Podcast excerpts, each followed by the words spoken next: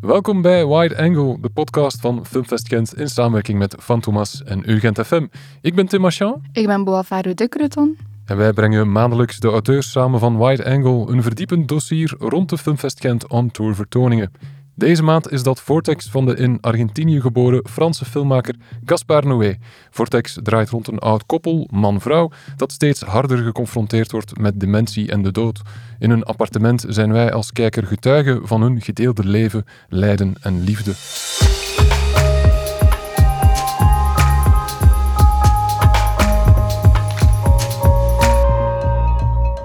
Om ons te verdiepen in Vortex en filmmaker Caspar Noé hebben we weer een aantal fijne gasten aan tafel. Dat zijn... Charlotte Timmermans. Ik ben filmrecensent. Ik schrijf voor kortfilm.be, Vertigo en Fantomas. Ik ben Sven Hollebeke. Ik ben enerzijds communicatiemedewerker bij het Filmfestival van Gent en ook parttime freelance ja, filmrecensent, geef inleidingen in cinemas en schrijf ook voor allerhande media. Ik ben Patrick Duinslager. Ik schrijf al heel, heel lang over film. En uh, nu, voor het ogenblik, uh, onder, onder andere, ben ik verantwoordelijk voor de classics op Filmfest Gent. En ik ben Inge Koolzaat. Ik ben onder andere co-hoofdredacteur van Fantomas, het nieuwe uh, Vlaamse filmblad. Ik werk ook bij Argos, het Brusselse Centrum voor Audiovisuele Kunsten. En ik schrijf daarnaast voor een aantal internationale filmbladen. Vragen zijn niet alleen voor onze gasten. We hebben het publiek namelijk ook gevraagd om hun associaties bij het thema de laatste levensfase met ons te delen. En die kregen we ook, waarvoor dank. Aan welke titels denken jullie spontaan bij het gegeven van uh, de laatste levensfase? Ik denk in eerste instantie aan Amour van Michael Haneke. Ik moet toegeven dat ik de film nog niet had gezien, maar omdat ik nu Vortex had gekeken en ik een beetje meer mij wou in het onderwerp ingraven of, of verdiepen, zal ik zeggen, heb ik speciaal Amour gekeken en ik was, ik was helemaal van, van een melk. Ik vond het prachtig. Heel, ja, eigenlijk nogal een overeenkomstig opzet met het opzet van Vortex, namelijk een oud koppel op een appartement en de vrouw takelt ziender ogen af. Prachtig gedaan, heel anders gedaan dan Gaspar Noé het aanpakt en mooie contrasten Mooi. tussen beide films. Ja, is uh, een titel die ook verschenen is op onze sociale media. Dus uh, top. Zijn er nog andere voorbeelden? Ja, ik denk dan spontaan aan een film van Kurosawa, Ikuri. Een film uh, uit de jaren 50. Ik denk eraan omdat dat een film is, want je denkt eh, laatste levensdagen of uh, levenseinde, denk je natuurlijk altijd onvermijdelijk aan mensen die aftakelen, die zitten in de ziekenhuis, die ziet sterven. Maar bij hem is het een, een, een oudere man die, die plotseling verneemt dat hij ongeneeslijke maagkanker heeft en besluit voor de tijd die hem nog rest om iets goed te doen in zijn leven, wat hij blijkbaar, wordt nooit heeft gedaan. En hij ijvert ervoor om een klein parkje te maken waar kinderen kunnen spelen in zijn buurt. En het laatste beeld van de film is onvergetelijk. Zit hij gewoon zachtjes, zelf zit hij op de schommel op dat speelpleintje. Het is een film over het, over het einde van het leven van iemand, maar het is wel iemand die het leven volledig verder zet door zijn laatste daad. En het is super, super ontroerend en aangrijpend. Mensen die weten dat een einde zit aan te komen, in de reacties online zaten er ook wel meer titels van films in waarin dat personage dat ook weet.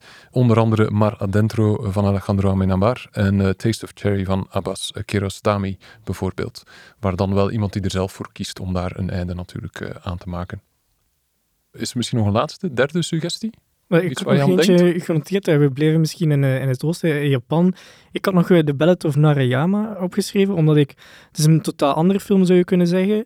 Maar dat gaat ook over de laatste levensfase, omdat het, het, is, het speelt zich af in een 19e-eeuws dorpje waar eigenlijk elke inwoner die 70 wordt naar de top van een berg moet reizen op eigen houtje of gedragen door hun, kinderen.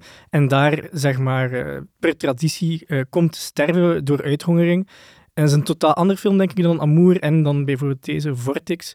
Maar ik denk dat het ook een heel interessant voorbeeld is, omdat je ook uh, eigenlijk de harde condities ziet waarin die Japanners, de Japanse samenleving, ja, moet leven. En die er dan ook zelf voor kiezen om op 70-jarige leeftijd uh, uit het leven te stappen. Misschien niet toevallig dat we toch allemaal snel aan Japanse cinema denken, gezien onze eerste podcast uh, in deze wide-angle reeks. Maar waarschijnlijk ook omdat de Japanse cinema, van de Japanse maatschappij, wat die films ook bewijzen, is dat de, de dood geen taboe is. Maar het idee van de dood is iets dat men daar accepteert en dat men in, in de cultuur ook volledig in al zijn facetten toont. Terwijl hier de films die gaan over verleden, over levenseinde, zijn meestal films die, die vaak een taboe geladen dimensie hebben. Vind je dan dat de Gaspar Noé taboe doorbrekend gewerkt heeft in een Vortex? Wel, het, ik vind vreemd genoeg zijn uh, de enige film die ik van hem ken die niet expliciet taboebrekend is, vind ik. Want dat is het verrassende. Taboebrekende is misschien dat hij zelf niet langer taboebrekend is, toch niet in deze film. Hij heeft blijkbaar een onderwerp gekozen of gevonden waar hij zich zo persoonlijk met identificeert. Het, het klopt dat hij, uh, moet weten, hij is uh, plotseling getroffen door een, door een hersenbloeding. hij heeft daardoor uiteraard beginnen nadenken over, over, zijn, over zichzelf, over, over het dood overleven, over aftakeling. En heeft dan een film gemaakt die dan nog ver van hem ligt, want hij heeft ook, dat is ook goed, is niet direct een persoonlijk relaas. Maar en ik denk dat hij daardoor dat onderwerp met uh, veel meer respect behandelt dan in zijn andere films. Uh, respect, ik zeg dan niet dat elke film dat moet doen, maar je verwacht dan minder van hem. Ik vind die film zeer, zeer genuanceerd en ook zeer subtiel en ingetogen voor als je weet dat de film van Gaspar Noé komt. Maar het is toch een film die een andere kijk heeft op de regisseur. Over dat autobiografische heeft onder andere Charlotte het geloof ik ook gehad in haar tekst. Een rol zou ook kunnen gespeeld worden of zou meegespeeld hebben door de moeder die hij verloren heeft aan Alzheimer, gezien het thema van de film. Dat is een inspiratiebron geweest voor hem, ja, dat heeft hij in een interview gezegd. Maar ik, ik vind het wel een beetje risky om um, het autobiografische zo fel samen te... Allee, plakken met bijvoorbeeld van omdat zijn moeder dat heeft meegemaakt, heeft hij nu meer respect voor de personages of zo. Want ik zou niet beweren dat hij voor zijn personages in zijn andere films minder respect heeft of zo. En dat zijn filmstijl botst met respect of zo. Dus ik weet niet of ik daar helemaal mee akkoord ben. Het is ook niet de eerste keer natuurlijk dat hij iets doet met de dood. Dat zit al in veel van zijn andere films ook. Maar zie hier dan een andere manier van omgaan met dat gegeven van de dood? Ja, ik denk het wel. Hè. Het is sowieso een veel intimistischere film, denk ik. Sowieso. Hij heeft ook gezegd, het is een, een van de eerste films die ik wou dat echt realistisch was, die niet per se theatraal is, ook niet als een, als een swingende cinematografie, zou je kunnen zeggen. Iets wat hij wel zeker doet in zijn vorige films, in, in Climax bijvoorbeeld, in Lux Aeterna, is het veel, veel opvallender hoe hij werkt met zijn camera, terwijl hier probeert hij het op een veel trager tempo te doen. En ik denk ook, wat hij geleerd heeft zijn andere films, je moet daar eerlijk in zijn, gaan heel vaak over pubers, over seks, over lust. Terwijl deze film is precies, ook al is hij al denk ik 59 zeker of zoiets, eh, Gaspar Noé, precies alsof dat hij echt volwassen is geworden. Alsof hij naar een ander stadium in zijn uiver wil stappen en zeggen van ik kan ook een heel serieuze film maken die niet per se gaat over, laten we zeggen, uh, bloed, zweet en, en drugs of zo. En op dat vlak vind ik het wel een volwassenwording van een regisseur die meestal gezien wordt als een meester-provocateur, terwijl ik het hier niet per se provocerend vind. Het is een vraag die ik me ook stelde. Kunnen we spreken van een neo-Noé? Is, is, er echt, is er echt een verandering? Er is inderdaad, zoals je zegt, er is minder, een, uh, er is minder explosief. Explosieve uitstraling die is er niet meer. Maar op het einde van de film heb je nog altijd wel het gevoel dat het, dat het overweldigend is geweest. Dat het heel indrukwekkend was. Mm, ik ben nog altijd aangedaan. Op, op een gelijkaardige manier eigenlijk. Ik kwam nog altijd buiten uit de zaal met een bedrukt gevoel of met een zwaarte maar, die ik bij zijn vorige films had. Maar hij heeft het op een andere manier dat effect op een andere manier. Die andere manier ook natuurlijk is, uh, omdat je zegt, de film is niet swingend of het is niet uh, nadrukkelijk, maar de film is toch wel zeer visueel, zeer nadrukkelijk en, in your face de techniek. Hij gebruikt hier splitscreen op een manier dat heel zelden gebeurt. Er zijn weinig films die integraal in, uh, splitscreen gedraaid zijn. Hij heeft die film integraal in splitscreen gedraaid. Splitscreen wordt meestal gebruikt om, er zijn verschillende, om twee gebeurtenissen te tonen die gelijktijdig plaatsvinden, maar waar wel een zeker afstand tussen die, die, die, die twee personen zijn. Soms zit een grote afstand, soms een kleine afstand. Hier zitten die mensen in hetzelfde appartement, dus, dus in theorie had hij die, die, eh, die splitscreen niet nodig. Maar door die splitscreen, wat hij daarmee doet, hoe hij die mensen samenbrengt, soms in één kader, soms in een ander kader, hoe die, ik denk dat die techniek bijdraagt, dat die techniek bijdraagt tot de emotionele kracht van de film, omdat je ziet dat die personages, en je ziet dat op een puur cinematografische manier, onlosmakelijk met elkaar verbonden zijn. En hij vertaalt dat in pure technische keuzes die hij doet. Dit is al zijn films zo. Je kunt zijn films nooit losmaken van de, niet de stijl, maar van de procedés die hij gebruikt. Want hij gebruikt, hij maakt inderdaad in, veel van zijn films gebruik van wat sommigen een procedé noemen, anderen zullen dat meteen een gimmick noemen, maar het zijn vaak uh, opvallende, visuele, narratieve keuzes die hij maakt. De film die hij achterstevoren, dus een omgekeerde chronologie vertelt. Een andere film die gemaakt is vanuit een soort goddelijk standpunt, die, die neer, dat neer, dat de geest van iemand, die neerlaat op de andere. Dus er is altijd wat ik zou noemen, en dat vind ik wel zeer goed, dat is uh, een sterke partie pris. Maar Truffaut die zei dat eigenlijk bijna alle goede films een parti pris hebben. Dus een regisseur maakt een bepaalde keuze en blijft daar echt heel radicaal en consequent houdt zich aan die keuze, visueel, dat kan met geluid te maken, dat kan met alles te maken hebben. Maar het kan ook iets zijn dat de toeschouwer zich niet van bewust is. Maar hier is de toeschouwer zich, zoals in alle films van Noé, je weet dat je naar een film zit te kijken. En dat is juist de spanning. Het is een film, maar je zegt niet het is maar film, maar het feit dat de taal en de techniek van de film gaat in feite ook uh, mee de emoties bepalen die je hebt tegenover de personages. Inge, je gebruikt ook een hele mooie metafoor als we het over de splitscreen hebben in jouw tekst. Uh, je, ver, je, vergelijkt het namelijk met een doodsprentje. Ja, het is een, vrij zwaar kader. Het is een splitscreen, maar het is ook een, een, heel dikke zwarte lijn eigenlijk tussen hen. Je zou dat op een heel fijnere, op een heel veel delicatere of subtiele manier doen, die scheiding. Maar daar is zoals alles wat hij doet, is heel uh, nadrukkelijk. Uh, hij maakt keuzes en hij is daar consequent in, zoals Patrick nu net zei. Maar gaat hij ook heel erg benadrukken. Hij gaat er nog eens onderlijnen en nog eens onderlijnen en nog eens onderlijnen, dat je het goed begrepen hebt. En in het geval van die zwarte lijn is het effect inderdaad zo'n doodsbriefje. Een, een kader waarin je gevangen bent tot, tot het einde er is. Ja, ik vond het interessant um, dat Patrick zegt van dat, uh, dat door de splitscreen je eigenlijk net een soort verbondenheid krijgt tussen personages. Terwijl ik in mijn tekst een beetje heb geargumenteerd dat, uh, dat het... Um, de afstand tussen de twee personages die steeds, meer, die steeds groter wordt, omdat de vrouw ja, op een gegeven moment haar, haar echtgenoot niet meer herkent. De splitscreen benadrukt voor mij die afstand. En de momenten waar er wel die verbondenheid is, heel, heel zelden nog. Bijvoorbeeld als, als zijn hand dan, als de man zijn hand uitreikt naar haar en haar over haar hand streelt, dan gaat hij over het kader. Maar het is, dat is een heel zeldzaam moment. En voor de rest lijken, lijken de twee ja, ze, zitten misschien in dezelfde ruimte, in het appartement, maar de verbinding is weg. Maar er is een mooie paradox, want wanneer dat ze dan wel ergens ja, anders zijn, zijn ze, toch, zijn ze toch samen. Als zij in de winkel is en hij zit te werken op zijn bureautje, zijn ze in het beeld toch samen. Ja, het is juist omdat, eh, ik ben het volledig met je eens, hoor, maar het is die zeldzame momenten die er natuurlijk uitspringen, die, ja. uh, omdat hij het gelukkig zo, zo, zo, zo weinig doet, want hij zou dat kunnen veel meer gedaan hebben en dan was het volgens mij veel minder sterk geweest. Maar plotseling zie je toch, toch dat die twee mensen bij elkaar komen.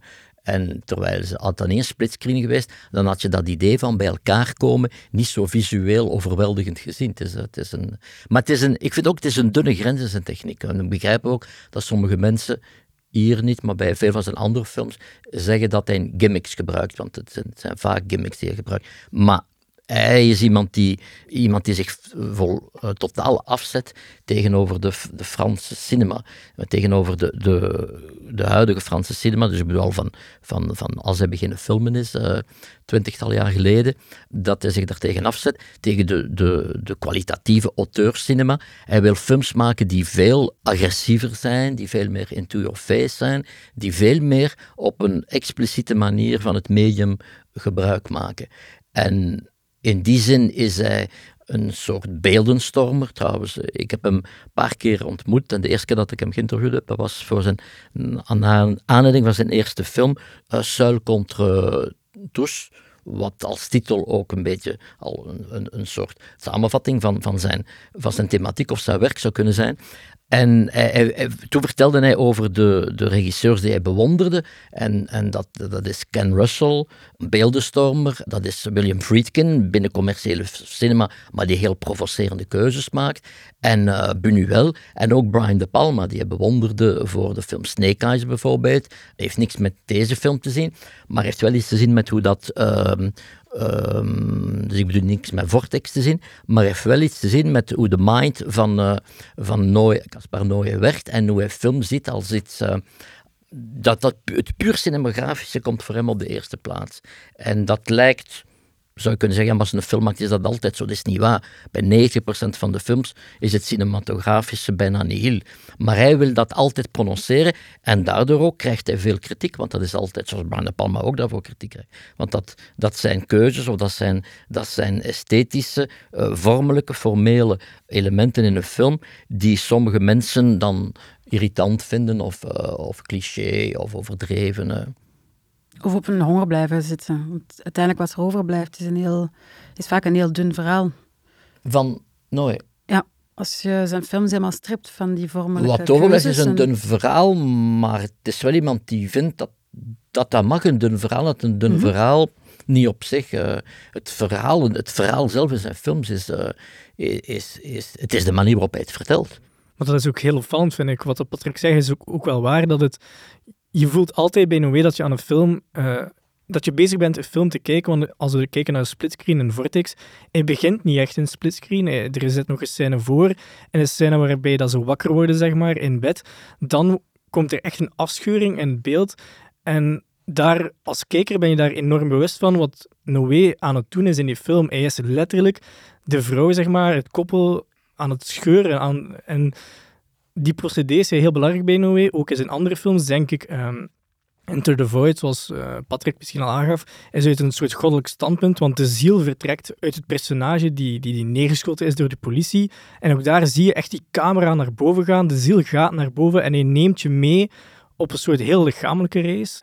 Maar je bent je heel bewust wat hij aan het doen is. Het is nooit alsof dat hij zeer realistische, verhalende cinema maakt, maar zoals Patrick zegt, de manier waarop hij een verhaal brengt, hoe klein of hoe banaal eigenlijk ook, want het gaat vaak over zintuigelijke noden, over, ja, over, over plezier en pijn. De twee dingen zegt hij dat, dat zo ver tegenover elkaar staan, maar toch hand in hand gaan. En daarover gaan die films. En zoals Inge zegt, die verhalen zijn op zich niet altijd heel belangrijk, vind ik. Daarom weet ik niet in welke mate we die twee van elkaar mogen gaan scheuren voor mijn inhoud. Wat ik wel heb, en sluit een beetje aan wat je de, de nieuwe Noé-fase noemt, het is niet de eerste keer dat hij een splitscreen gebruikt. Gebruikt hij ook in Lux Eterna. En daar voelt het voor mij wel nog aan als een vingeroefening.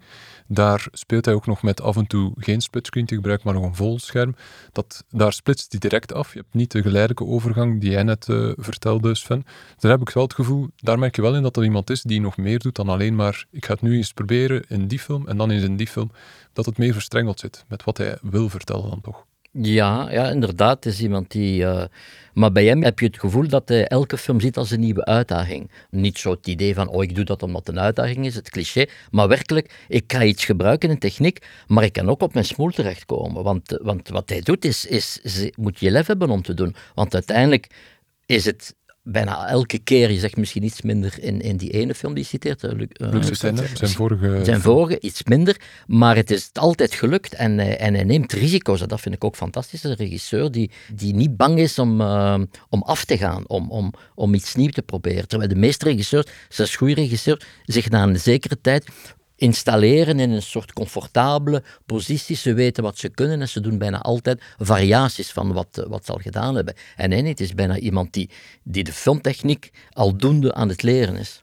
Als we dan toch uh, moeten doorgaan op die neo-noé, vind ik uh, wat voor mij echt wel verandert. Vortex voelt niet meer langer aan als een, als een spelletje. Als je ziet, Lux Aeterna dat is een, een uit de hand gelopen opdrachtfilm voor, voor Yves Saint Laurent, die eigenlijk maar 20 minuten ging duren, maar uiteindelijk heeft er 50 minuten van gemaakt. En op het einde, natuurlijk, heb je die splitscreen met allerlei flitsen en flashes. En daar voel ik dat Noé een soort van gimmick, spelletje aan het spelen is met het publiek en echt aan het provoceren is en gewoon een beetje de grenzen aan het aftasten is. Terwijl Vortex is het zo, zo persoonlijk voor hem, denk ik ook, en zo gevoelig, dat het... Uh, in niks te vergelijken valt dan met de gevoelens die hij in uh, Lux Aeterna legt. Dus dat is voor mij wel een groot verschil. Wat ook interessant is om te weten, is dat het idee van de splitscreen blijkbaar pas op de vijfde dag van het draaien kwam bij Noé. Dus dat hij daar niet aan begonnen is met het idee van ik ga hier nu een splitscreen gaan gebruiken. Dus dat is ook wel interessant om te weten, omdat hij dan ja, misschien wel een ander film had gemaakt. Maar ik wil eventjes nog terugkeren um, op dat zelfreferentiële aspect. Hè. Welke waarde heeft die zelfreferentiële laag volgens jullie? Is dat zelfbewustzijn of is dat een soort van zelfvoldaanheid? Ik denk dat vele tegenstanders van Noé het zullen zien als zelfvoldaanheid misschien. Maar ik vind het wel belangrijk, één, dat hij dan een filmmaker zijn ziel te koop legt in zijn films. En hij doet dat heel vaak puberaal, om het zo te zeggen. Ik denk aan, aan Love bijvoorbeeld. Want die filmmaker, heel jonge filmmaker in Love, het hoofdpersonage, is iemand die letterlijk films wil maken uit, uit bestaande uit sperma, bloed en tranen. En Noé ziet daar een beetje zichzelf in, maar hij lacht ook ironisch met zichzelf natuurlijk. Dus alles van Way zit ook in zijn films. Uh, en zeer, op een zeer viscerale, lichamelijke manier. Hij zit zelfs in, in, een uh, kleine scène of klein stukje in Irreversibele waar hij masturberend te zien is. Niet elke filmmaker gaat gaat dat doen natuurlijk. En dat vind ik een beetje zelfvoldaan. Ja, absoluut. Dat is, dat, is, ook een goede watchlist. Dat is enige zelfvoldaanheid. Er zijn vele regisseurs die niks anders doen dan masturberen. maar misschien niet anders, vol in beeld. Maar niet, nee, nee, maar niet uh, in de letterlijke zin, in de figuratieve mm -hmm. zin. Ik bedoel, er wordt vaak over een film die me niet goed vindt. De ene vindt een film heel goed en dan zegt oh, dat is gewoon masturbatie, zegt dan iemand. En mm -hmm. dat betekent altijd dat, dat het heel persoonlijk is. Dus het is wel in, interessant hoe men dan als men een film wil afbreken, dat men dan zo'n argument geeft dat het zo persoonlijk is. Dan geeft men meteen iets dat totaal, dat het, uh, het meest persoonlijke dat een regisseur zou kunnen doen in een film. Maar men doet het natuurlijk op een figuurlijke manier. En waarschijnlijk, als hij dat doet, is dat ook als een soort kleine provocatie. Want te zeggen, ik zie zoveel films die volgens mij niks anders zijn dan een regisseur die masturbeert. Wel, ik doe het echt. Want het is iemand die toch wel reageert tegen andere films. Dat, dat, voel je. En tegen de positie van de Franse cinema, tegen de, de, de, het chique van sommige commerciële films. Maar dan ook het, eh, het in zijn ogen, wat pretentieuze van, uh, van de, een zeker arthouse cinema, waar, waar hij ook totaal tegenstander van is. Het is iemand die op een rare manier populaire films wil maken. Alleen zijn ze zo extreem dat ze nooit echt populair zijn. Je kan hetzelfde misschien stellen met refereren naar andere films. Bij de ene regisseur zien we dat dat maakt deel uit van die stijl. Bij de andere nemen we het hem soms kwalijk. Noé is ook iemand die als deel van wie hij is ook graag uitdraagt wat hem inspireert als het gaat over boeken en over films. En dat brengt ons ook deels bij de casting. Uh, Climax begint met een aantal getuigenissen op een tv-scherm. En naast dat tv-scherm staan een dozijn films op VHS. Een van die films is Suspiria van Dario Argento, zijn ene acteur. En een ander film is La Maman et la Poutin van Jean Eustache, waar hij zijn tweede grote rol heeft uh, gehaald. Wat het uh, Gaspar Noé-universum verder aan elkaar verstrengelt, natuurlijk. En het is ook typisch, dus hij, maakt, hij kiest twee acteurs en ze zijn beide voor de, voor de toeschouwer verrassend. Want ik had nooit gedacht dat Dario Argento een acteur was. Ik heb die een paar keer ontmoet. Maar, maar die, die is, dat is iemand die... Ik dacht dat hij volledig in zijn wereld, griezelige wereld zat. Trouwens, een super, super regisseur.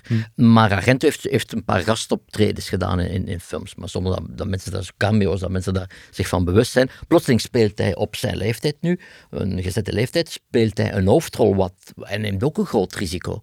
Want het is ook waar hij zich voor een stuk persoonlijk blootgeeft. Dat gaat ook over, hij is geen filmcriticus, maar het is ook over iemand die, die toch met film bezig is, geobsedeerd, die iets wil doen waar hij niet in slaagt, dat onbereikbare, van een, een boek over film en droom te schrijven. En dan dus Argento die non-professioneel is. En dan heb je dus de hoofdrol, Françoise Lebrun. En Françoise Lebrun heeft een heel lange filmografie. Maar dat zijn meestal ook veel televisie. Daar zit eigenlijk weinig tussen. Behalve die ene film, wat we cineast Maudit kunnen noemen, Jean Eustache, is ook vroeg overleden. En die film was denk ik in de jaren 73, was, was dat de schandaalfilm van het Festival van Cannes, samen met de film van Marco Ferreri, La Grande Bouffe. Dat waren de twee schandaalfilms. De ene film, La Grande Bouffe, zou je kunnen zeggen, doet meer aan Noé denken. Dus voor mensen, vier mannen die besluiten om zich dood te vreten. En letterlijk zie je die lichamelijke af terwijl, terwijl ze alles wat ze op hun weg vinden opbeuzelen. En dan krijg je die film van uh, Eustache, die, die een film is over twee mensen. Het is een zwart-wit. Het is een film die gewoon zo de Franse cinema over, over uh, relatie tussen twee jonge mensen. En ik denk dat, dat ja, je zou kunnen zeggen dat die twee jonge mensen misschien in die film de, de, de jeugd is van de twee personages in, in zijn film, als ze verder wil gaan in die... Uh, maar het is typisch dat hij een regisseur kiest die, die totaal buiten de tradities, de traditionele Franse cinema uh, valt. Eustache.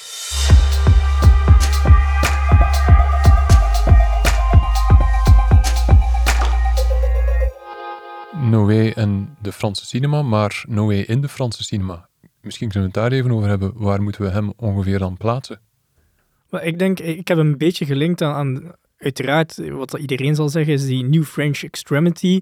Zeg maar, eh, schare filmmakers die heel extreme, expliciete films vol obsceniteiten, geweld en seks ging gaan maken. Zo in het begin van de, van de 20e eeuw en iets vroeger al. Dus we kunnen hem zeker daarin plaatsen, denk ik. Want het is iemand die heel graag provoceert. Uh, niet enkel de, kijkers, maar gewoon de, de ganse filmwereld, denk ik. Zeer de, de chique Franse filmwereld. En die New French Extremity films, ja, die, die hakken er wel op los. Dat zijn railschoperij films. En ik denk zeker uh, Irreversibele bijvoorbeeld was zo'n heel grote relfilm die, die je toch kan plaatsen, diametraal tegenover die chique Franse cinema kan plaatsen. Je moet wel zeggen dat die New French, noem je die New, New French, Extremity, uh, dat dat uh, een, een, een, label is, dat, dat critici daarop plakken, en waarom niet, maar dat er groot verschil is bijvoorbeeld met Nouvelle Vague, dat algemeen een beweging mm. was. Dus het is niet dat, dat Noé met enkele vrienden samen eh, is gaan zitten als ze gaan zeggen, wij gaan, ik ga daar een film over maken, dan, dan gaan we alle drie provoceren. Dat, dat is niet dat het zo'n beweging is, het is meer iets wat de critici... Nee, het is een term uitgevonden door James Quinn, denk ik, ergens, eh, Die, die die term heeft, heeft bedacht om zeg maar, een label te plakken op films die ze zag verschijnen in het begin van de 21ste eeuw in Frankrijk van Franse filmmakers. Queer Cinema was ook zo een label dat op. Ja, maar er zijn, soms waren daar auteurs ingesmeten of bijgesmeten die, uh, waar je toch een paar vragen bij moest stellen. Claire Denis zat daar bijvoorbeeld, uh, afhankelijk van wie het tekst schrijft, in vermeld. En ik zou het dan staan en dan vraag ik me af, ja, zit Claire Denis en, en Noé samen in een zaal en wat gebeurt er? Ik vraag me af wat voor een gesprek dat die voeren. Ze hebben alle twee inderdaad een soort van lijfelijkheid, een soort mhm. van fysieke cinema, mhm. maar op een totaal andere manier. Ja, ja, Dus dat gesprek, daar zou ik wel geïnteresseerd Of ze dwingen, ze dwingen om samen een film te maken. Nog iets interessants is, uh, niet per se gelinkt met de Franse cinema, maar de manier waarop de Gaspar Noé zich gepositioneerd in de filmgeschiedenis, vind ik ook heel frappant. Ik vond, ik vond het eigenlijk een beetje pretentieus, arrogant eigenlijk, de manier wat hij doet in, in Lux Eterna die verwijzingen naar, naar Godard, naar Dreyer, op een manier dat veel opnieuw te nadrukkelijk is, voor mij dan toch. En, en dan overkomt eigenlijk als, ik ga jullie nu al vertellen aan de toeschouwer, aan de critici, welke namen jullie moeten vermelden als jullie mij, mij vermelden. Ja, en, en mijn film past bij de groten of zo. Wel, ik moet toch zeggen dat ik dat niet zo ervaar. Het is inderdaad uh, name dropping, maar uh, referenties in, in, in uh, Franse regisseurs die refereren naar andere films. Ja, de hele Nouvelle Vague was daarop gebaseerd. die refereerde naar Amerikaanse films, die Godard natuurlijk, maar Truffaut, Louis Mal. Dus dat, dat referentiële is in een bepaalde traditie van de Franse cinema. En ik denk niet dat, je, omdat je citaat citeert naar Carl Dreyer, dat je zegt, ja, ik behoor tot het niveau van Carl Dreyer. Nee, maar het gaat, het gaat over de toon waarop hij het doet. Het gaat over die nadrukkelijkheid, over die Het is, maar alles is nadrukkelijkheid. toon van, van, van Noé. Als je dan de beide samen hebt, dan, dan komt dat bij mij over als, als heel arrogant. Ja, hij heeft misschien wel, zou het kunnen noemen, zeker arrogantie. Ik, ik zou dat parallel zien op het, eh, je, kan het, je kan het doen overslaan, arrogantie, en je kan zeggen dan positiever, het is lef. Het is iemand die echt lef heeft en die, die uitdaagt. Laten we misschien uh, één, nog één naam erbij nemen, een andere regisseur die al even aanhaalde om ons te leiden tot een ander topic, namelijk van de dood naar de droom. Er ligt een dvd van Buñuel ergens in het appartement. Op een bepaald moment kan je hem lang genoeg zien. Ik weet niet meer zeker welke Buñuel het is. Ik denk dat het een van zijn jaren 70 films is, Le Fantôme de la Liberté. Natuurlijk Buñuel en de droom. En dan is er Noé en de droom. Cinema als droom is onder andere waar de schrijver in de film het over wil hebben ook. Hoe moeten we dat ergens kaderen binnen het uiveren en binnen de film? Hij schuift het zelf in de film nog wel expliciet naar voren. Um, het begint eigenlijk met de, met de zin: Het leven is een droom, zegt de vrouw. En de man antwoordt: Ja, het leven is inderdaad een droom in een droom. Wat dan verwijst naar een gedicht van Edgar Allan Poe. Ja, ik vind dat, het, dat er een beetje expliciet is opgeplakt, zonder dat ik het in de film voor de rest op die manier ervaar. Want de, de, het mannelijk hoofdpersonage schrijft dan een boek over um, cinema en dromen. Ja, je zou kunnen zeggen, de film begint ook als een droom, dus een beetje idyllisch. En geleidelijk aan ja, dalen ze eigenlijk een beetje af in een, allee, dalen ze af in een nachtmerrie. En ook dat wordt weer expliciet gezegd door een van de personages. Maar je zou ook een uh, droom ruimer interpreteren. Dus het is natuurlijk gemakkelijk, eh, een beetje gemakzuchtig om te zeggen, ja, elke film kan als een droom beschouwd worden. Inderdaad, film met veel gelijkenissen met dromen. Maar droom, dan doet mij dat ook denken aan meer uh, hallucinaties, aan, aan in, dat men zich in een andere dimensie bevindt. En dat is natuurlijk sterk in zijn werk aanwezig. Niet alleen dat mensen gedrogeerd zijn, uiteraard zijn er, loopt nog veel gedrogeerden in zijn wereld rond, maar heeft daar zelf ook, heeft hij gezegd, daar, daar uh, zeer veel hinder van ondervonden, heeft daar ook mee, uiteraard uitvoerig mee geëxperimenteerd. Maar in zijn film is ook de cinematografie hallucinatorisch. Dus je, je, je, je, je zinkt weg in een hallucinatie. maar in Vortex zien we dat niet. In Vortex zie je dat niet, nee, maar in zijn andere films is dat zeer sterk aanwezig, dat droomelement. Nee, in Vortex niet. Vandaar dat de film op veel vlakken een, een bijna een buitenbeentje in zijn werk is. Maar met natuurlijk ook interessante raakvlakken, dat je toch zijn persoonlijkheid voelt. Het is alleszins minder expliciet. Mhm. Het is ook veel minder, minder lichamelijk op het vlak van, van naaktheid. Of er zit voor een keer geen drugs in, buiten beschouwing gelaten dan de, de drugs die de zoon eigenlijk uh, inneemt. Of toch een, uh, iemand is die met drugs bezig is. Maar het is waar, zijn andere films in veel visceraler op vlak van cinematografie. En ook heel vaak is de geest of het lichaam geïntoxiceerd in zijn andere films. Met heel harde wraakgevoelens, maar ook inderdaad drugs en alcohol. En hier is een heel ander gegeven. De, de, geest is hier beneveld door, door dementie, door het aftakelen lichaam, door ouder worden. En op dat vlak vind ik het echt een départ, om het in het Frans te zeggen, van, van zijn andere cinema.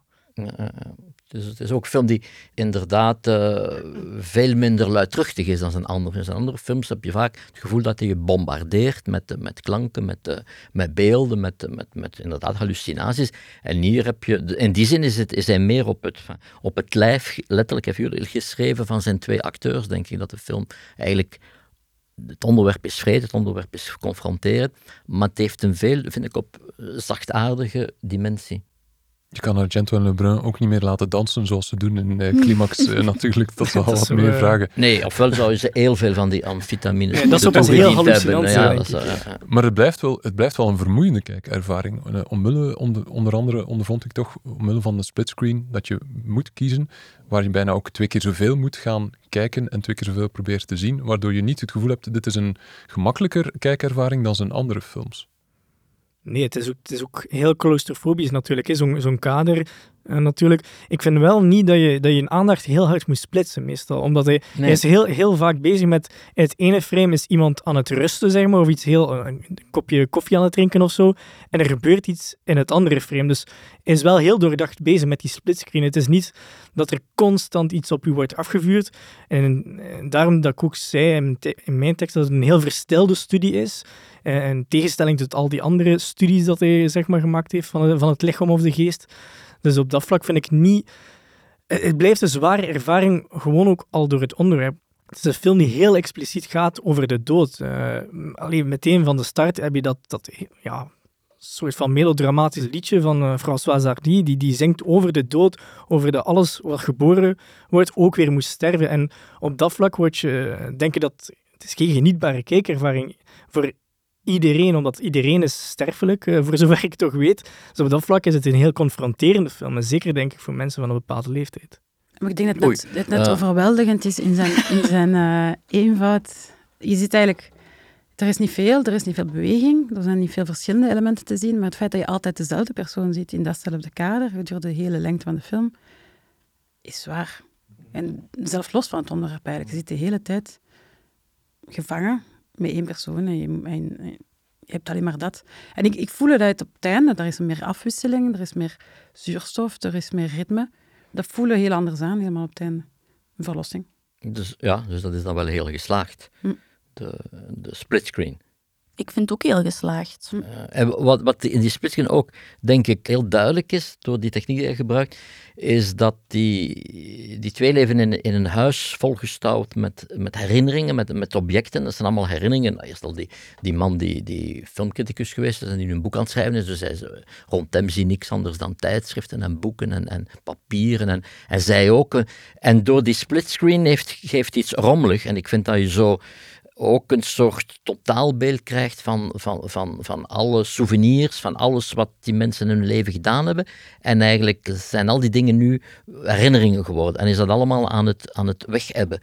En dat komt zeer sterk, naar, dat komt zeer sterk uitdrukkelijk daaruit voort, denk ik, uit die gebruikte techniek. Dat je de chaos die zich in hun geest afspeelt, dat je die chaos ook op zekere manier ervaart in de manier waarop ze in, die, in een dagelijkse omgeving gesplitst worden en, en raar gekadreerd worden en, en in en uit het beeld lopen en zo. Dus je krijgt een, je, de film heeft daardoor iets heel, vind ik, chaotisch en uh, ja, verstorend. Een beetje claustrofobisch. Claustrofobisch ook zeker, ja.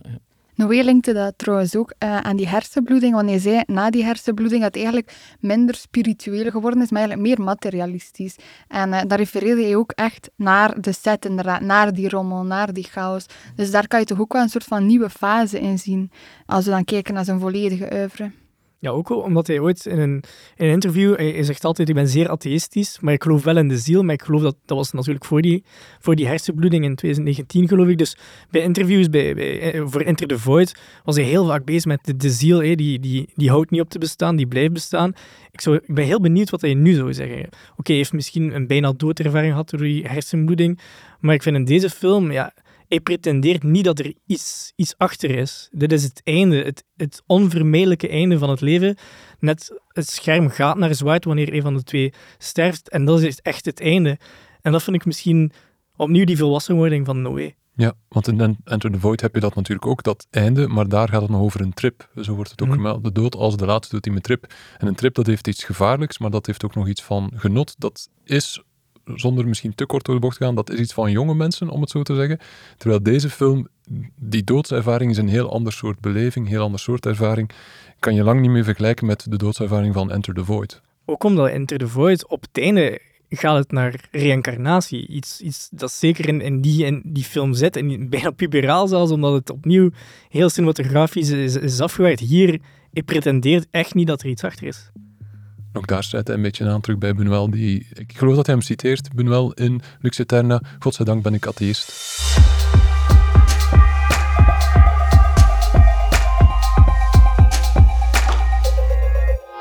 Is wat we nu aan het doen zijn, het afzoeken van bepaalde dingen, het aftasten, ook niet is wat Noé net teweeg weet te brengen bij zijn publiek, waar hij op zoek is naar hoe ver kan ik ze duwen, maar ik wil ze toch ook niet helemaal verliezen?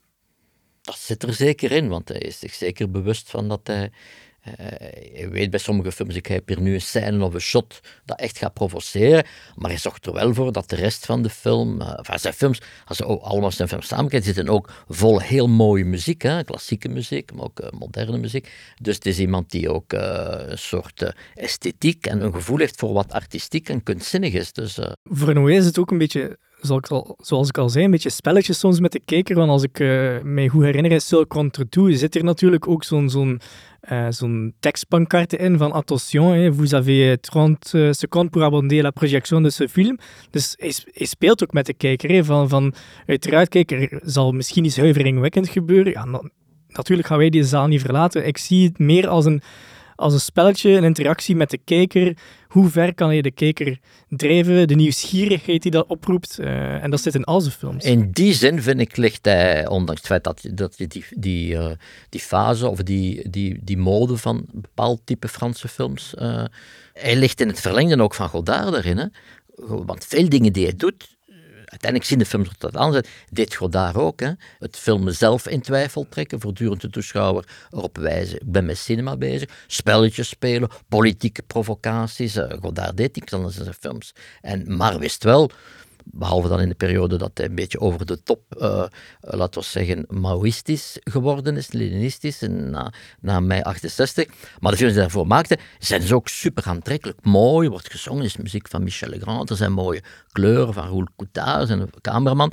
Maar tegelijkertijd is het iemand die, die, ja, die speels is en die voortdurend de toeschouwer ook een beetje op het verkeerde been zet. En ik denk dat Noé dat ook is. Vandaar het gevaar dat mensen die, die daar minder gevoelig voor zijn, zo iemand een charlatan, het woord is er niet gevallen, maar charlatan kunnen noemen. En hij zit in die soort categorie van cineasten die door sommige charlatans genoemd worden. Dat is Godard, dat is uh, Pasolini, dat is nu uh, dat zijn mensen die ja, die dat soort gevoelens oproepen. Dus ik vind dat super interessant. Maar hier in Gent zijn wij zot van charlatans. Dus voilà, voilà, voilà. Nu, als je dan dat vergelijkt met waarmee opent bij Zo komt goed toe, en dan hier uh, de zin voor zij wiens brein vroeger is verloren gegaan dan hun harten, dan moet je misschien inderdaad wel zeggen, wordt Noé ook wat softer. Ik had zo dat gevoel een beetje. Ik vond het vandaar dat ik zo... Dat We zullen zo... zien naar zijn volgende ja. film, hè? Uh... Ja, moet je misschien, maar inderdaad. Ik vond, ik, als je nu ziet wat hij daar toont, het, het had veel erger kunnen zijn. Ja, en, en, en dat vind ik ook wel dat hij daar wel een beetje op inspeelt. Zo in het begin is er dan zo'n scène, eigenlijk echt, ja, aan het begin van de film, dat, uh, dat zij dan de koffiepot verkeerd op het gasvuur zet en mm. er ontstaat dan een vlam. En ik dacht echt van, oké, okay, hier gaan we. We gaan ja, echt de rollercoaster. Ja, nee, maar dat doet hij niet. Hè. Ook, hij gaat ook niet te intiem, want ook in ja, mensen die ouder worden en zo. bedoel, er zijn ook in de intimiteit de dingen die een beetje uh, snel, als je die toont, smaakloos worden. Maar die sommige, een Nederlandse regisseur bijvoorbeeld, zijn natuurlijk de, daar de meest scatologische elementen uit, uh, in uitlichten. Maar hij doet dat niet. In die zin vind ik hem vrij soft en vrij, laten we zeggen, uh, soft of ja, genereus tegenover zijn personages. Ja. Hem zeer, hij bijna, acteur, hij laat ook bijna liefdevol. Ja, je hebt daar straks res respect ik, genoemd. Ja. ja. Ik, vind, bijna... ik vind het coverbeeld van de film veelzeggend. Het, het, het laken het dat over het, hoofd, vrouw, over het hoofd getrokken wordt. En dat is eigenlijk de filter dat hij nooit gehad heeft voordien.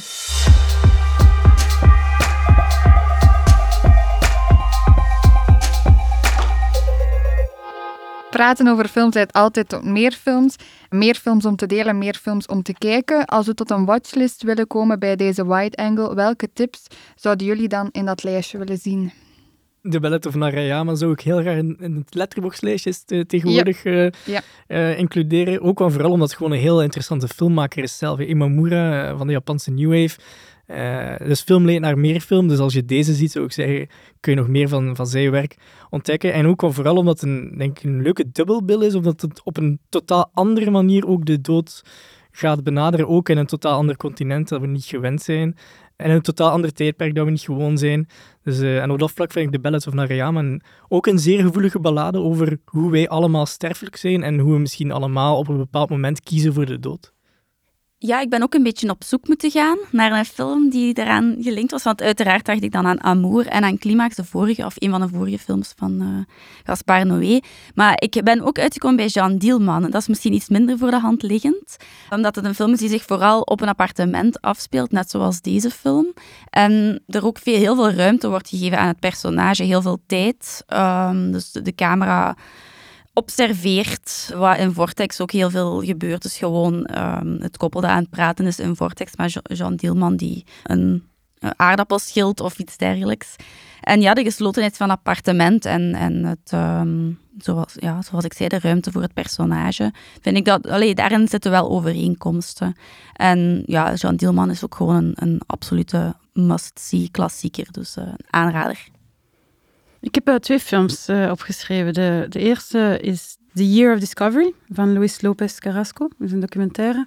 De link is splitscreen. Is eigenlijk uh, een andere, een andere manier om de splitscreen te gebruiken. Zoals ik daarnet eigenlijk vermeldde, dat het hier bij, bij Noé heel nadrukkelijk is. Heel, heel, het is heel snel een gimmick. En ik vind dat hij daarmee speelt, dat hij daar heel bewust van is. En dat hij er nog eens een laagje bovenop zet.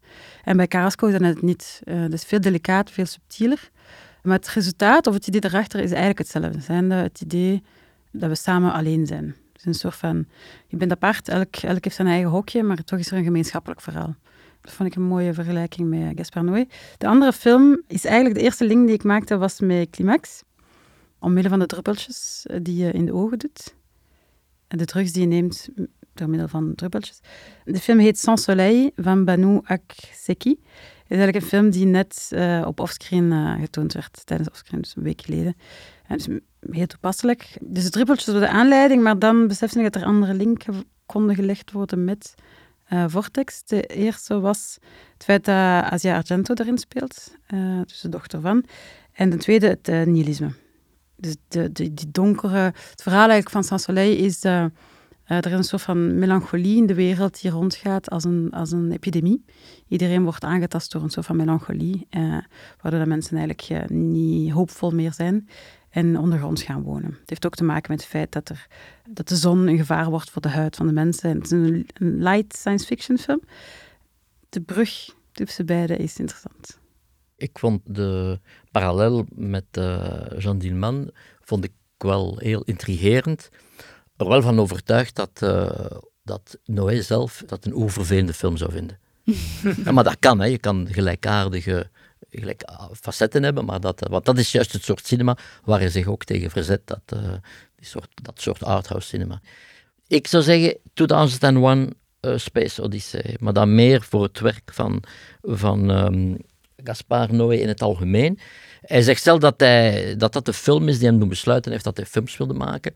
En ik vind dat er iets in zijn uitdagingen, is er iets Kubrickiaans in zijn, in zijn stilistische, hoe zou ik zeggen, zijn gebetoneerde stilistische keuzes. Zo van, ik maak mijn film zo, dat zullen de kaders zijn, dat is de verteltran. Dat hij eigenlijk heel dwingend is tegenover de toeschouwer ook. Doet een beetje aan Kubrick denken.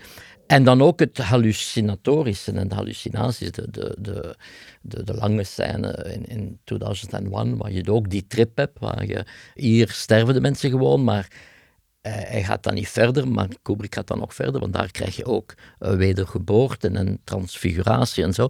Maar ik denk dat dat uh, film die hem heel sterk heeft beïnvloed. Vooral ook dat je dat soort begrippen, wat ik nu zeg, waar je meestal nogal zware of, of uh, contemplatieve films zou kunnen maken, dat Kubrick dat, dat verwerkt in, in, in, in, in zeer sterke cinematografische structuren, zou je kunnen zeggen dat je ook zeker nog Enter the Void kunnen toevoegen, want dat is een beetje de 2001 ja, zou ja, kunnen zeggen van Noé, want het leuke is dat het, het hoofdpersonage van uh, Love, geloof ik, de jonge filmmaker, zegt dan ook zijn favoriete film is 2001 A Space Odyssey. en we weten allemaal van dat dat misschien de grote inspiratiebron is van Noé. En dat is Enter the Void, denk ik, misschien zijn equivalent ja, verlopen dan toch van die film. Maar enfin, toch niet helemaal op dat niveau. Nee. Ik heb twee films die gelinkt zijn aan wat Charlotte al heel even aanhaalde, namelijk Dit huis is geworden tot een echte nachtmerrie de veruiterlijking van die innerlijke horror in de vorm van een huis, dat mentale verval, dat samengaat met het verval van een huis en teruggaat naar de, de traditie van de gotische uh, horror. De film opent met uh, Leven is een droom in een droom van uh, Edgar Allan Poe. Dus ik heb een eerste film die gebaseerd is op een beroemd werk van Edgar Allan Poe, La Chute la Maison Usher. Een film van Jean Epstein uit 1928, waar opnieuw dus ook ja, die uiterlijke horror gelinkt wordt aan de innerlijke horror. Hier zou je het appartement bijna kunnen zien als een familietombe. En Argento dan noemde La Chute de la Maison Usher een invloed op uh, Suspiria, zijn bekendste film, waar Noé ook naar refereert. Hij zegt dat is een beetje zoals die film, maar dan in kleur, de technieken die hij gebruikt. En natuurlijk via Poe en via het gedicht dat jij al aanhaalde, Charlotte, en via deze film kunnen we dat allemaal uh, samen aan elkaar linken. De tweede film is een modern voorbeeld van die gotische horror-traditie. Uh, is uh, Relic, een film die hier in de bioscoop is uitgekomen, maar heel weinig aandacht heeft gekregen twee jaar geleden. Het is een debuut van een Australische filmmaakster, uh, Natalie Erica James. En dat gaat ook over een dementerende matriarch die verloren loopt in haar uh, eigen huis. Wordt op een heel verontrustende manier een, een sfeer gezet in die film en een band gelegd tussen de ruimte van dat huis en het verval, het mentaal verval, de dementie van die vrouw is film die je, ik heb het gecheckt, op streams gewoon kan zien. En La Chute de la Maison Usher kan je nog altijd gratis in een restauratie zien op uh, Henri, het uh, streamingsplatform van de Cinémathèque Française. De film die ik dan zou willen voorleggen is Dick Johnson is Dead van uh, Kirsten Johnson. Die kennen we van uh, Citizen Foreign Camera Person. En uh, de film is eigenlijk een zeer persoonlijke film, um, want haar vader heeft dementie. En um, het is eigenlijk ja, echt een buitenbeentje als het over films gaan die over dementie gaan. Want ja, er zit heel veel zwarte humor in. Het is ook echt een metafilm. want je ziet eigenlijk hoe dat de vader ja, moet anseneren op welke manier dat hij zou kunnen doodgaan. Dus je ziet hem dan bijvoorbeeld ja, een microgolf over op zijn hoofd krijgen of hij, wordt, of hij valt dan van de trap. Dus eigenlijk blijven ze de dood constant een plek geven in die film, maar op een, eigenlijk een heel actieve manier. Dus qua handelingsvermogen en eigenlijk een keer een, een andere insteek van de mensen vond ik dat wel interessant. Veel om te zien weer.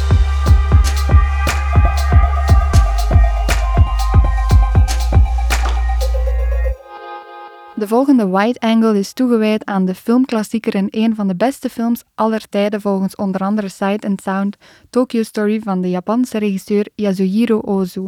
In Tokyo Story gaan grootouders op bezoek bij hun kinderen die groot werden en ondertussen hun eigen kinderen kregen. Ze raakte helemaal vervat in een eigen wereld van ambities en verlangens waarin er maar weinig speling is. Dit psychologisch familiedrama zet intergenerationele verhoudingen centraal en de trots en teleurstelling die daarmee gepaard gaan. Wij kijken er alvast naar uit om dit meesterwerk te herontdekken. Zoals gebruikelijk openen we de volgende Wide Angle met filmtitels die jullie ons toesturen. De associatie die we deze keer jullie richting uitsturen is het gegeven van verschillende generaties onder één dak. Jullie voorstellen kunnen jullie achterlaten in de comments-sectie van de toegewijde Instagram- en Facebook-post of in een mailtje naar podcast.filmfestival.be. Alle teksten die besproken werden over Vortex kunnen jullie ondertussen ook terugvinden op filmfestival.be slash podcast. Daar kunnen jullie trouwens ook de video-essays terugvinden die gecureerd werden door Filmscalpel. Die verdiepen zich onder andere in de evolutie van de splitscreen, een warme aanrader. Tot slot bedanken we heel graag onze gasten Inge Koolzaad, Patrick Duinslager, Sven Holleweke en Charlotte Timmermans, onze partners Urgent FM en Fantomas en u om te luisteren naar deze derde aflevering van de Filmfest Gent podcast White Angle.